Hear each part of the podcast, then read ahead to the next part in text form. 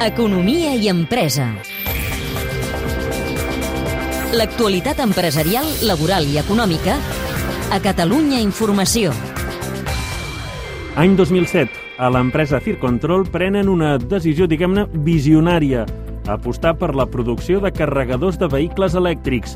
I dèiem que va ser una aposta visionària perquè aquell any, el 2007, es van matricular en tot l'estat dos cotxes elèctrics. Sí, només dos vehicles comercials en tot un any a tot Espanya. Això va ser una visió del president de la nostra empresa i del nostre grup, que es diu Ramon Comelles. Jo feia de director de l'àrea internacional d'una altra empresa del grup d'ell. I em crida un dia i em diu, diu Joan, ara et dedicaràs, diu, vull que vagis a l'empresa Circontrol i vull que et dediquis a fabricar i a vendre carregadors de vehicles elèctrics. Imagina't, no se sabia ni què era això. I jo li vaig dir, Ramon, em va semblar que m'enviava les galeres, no?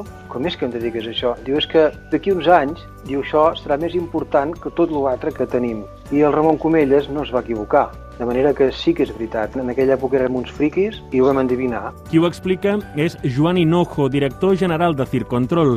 El negoci va anar agafant embranzida i l'any 2014 es van vendre la resta d'activitats de sistemes antiincendi, control d'accés i videovigilància per capitalitzar-se i centrar-se exclusivament en fer carregadors per qualsevol vehicle i circumstància. Com fa tants anys que ens hi dediquem, hem tingut temps de desenvolupar carregadors tant per carregar a casa com per carregar doncs, en una empresa o per carregar doncs, en una flota o ara fem també electrolineres, o sigui, carregadors d'aquests que carreguen la bateria d'un cotxe en 5 minuts.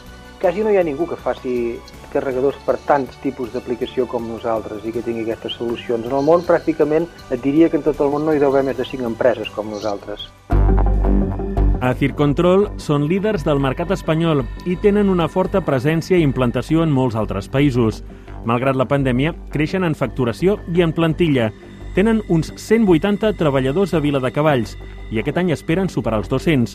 També preveuen incrementar la facturació de 34 a 40 milions d'euros. Dediquen una part important d'aquests diners i d'aquesta plantilla a continuar innovant. Nosaltres ho tenim molt clar, perquè el 60% de la plantilla són enginyers, perquè tenim un departament d'I+D per estar al dia amb la tecnologia de la recàrrega, que tot això va molt de pressa, de la recàrrega dels vehicles elèctrics, necessitem desenvolupar nous productes constantment.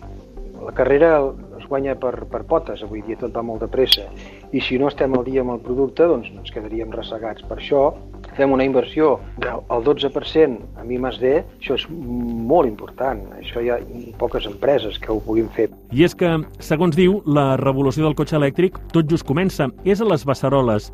I si apel·lem a aquell esperit visionari de Circontrol, què més creu que ens depara el futur? El vehicle elèctric ho canvia tot. No contamina. El pots carregar amb energies netes, com són el sol, com és el vent, com és l'aigua. Però és que, a més a més, aquesta energia que té la bateria del cotxe la pots tornar a la xarxa quan li convingui.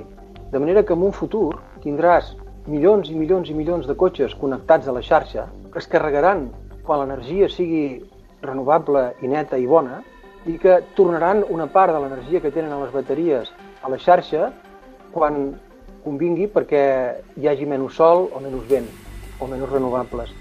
Eh, això se'n diu, en termes tècnics, generació distribuïda. És a dir, comptes de tenir grans centrals que fan corrent per tots els consumidors, passarem d'això a tenir milions de petites centrals que agafaran i tornaran energia a la xarxa. Això que t'estic dient passarà d'aquí 10 anys. Més enllà del negoci, diuen cal que tots fem aquesta aposta per la mobilitat elèctrica, per deixar d'herència als nostres fills un món millor. És un reportatge de Jordi Canal amb el muntatge musical de Luis Ángel Alonso. El teniu disponible al podcast de l'Economia i Empresa. Economia i Empresa. A Catalunya Informació.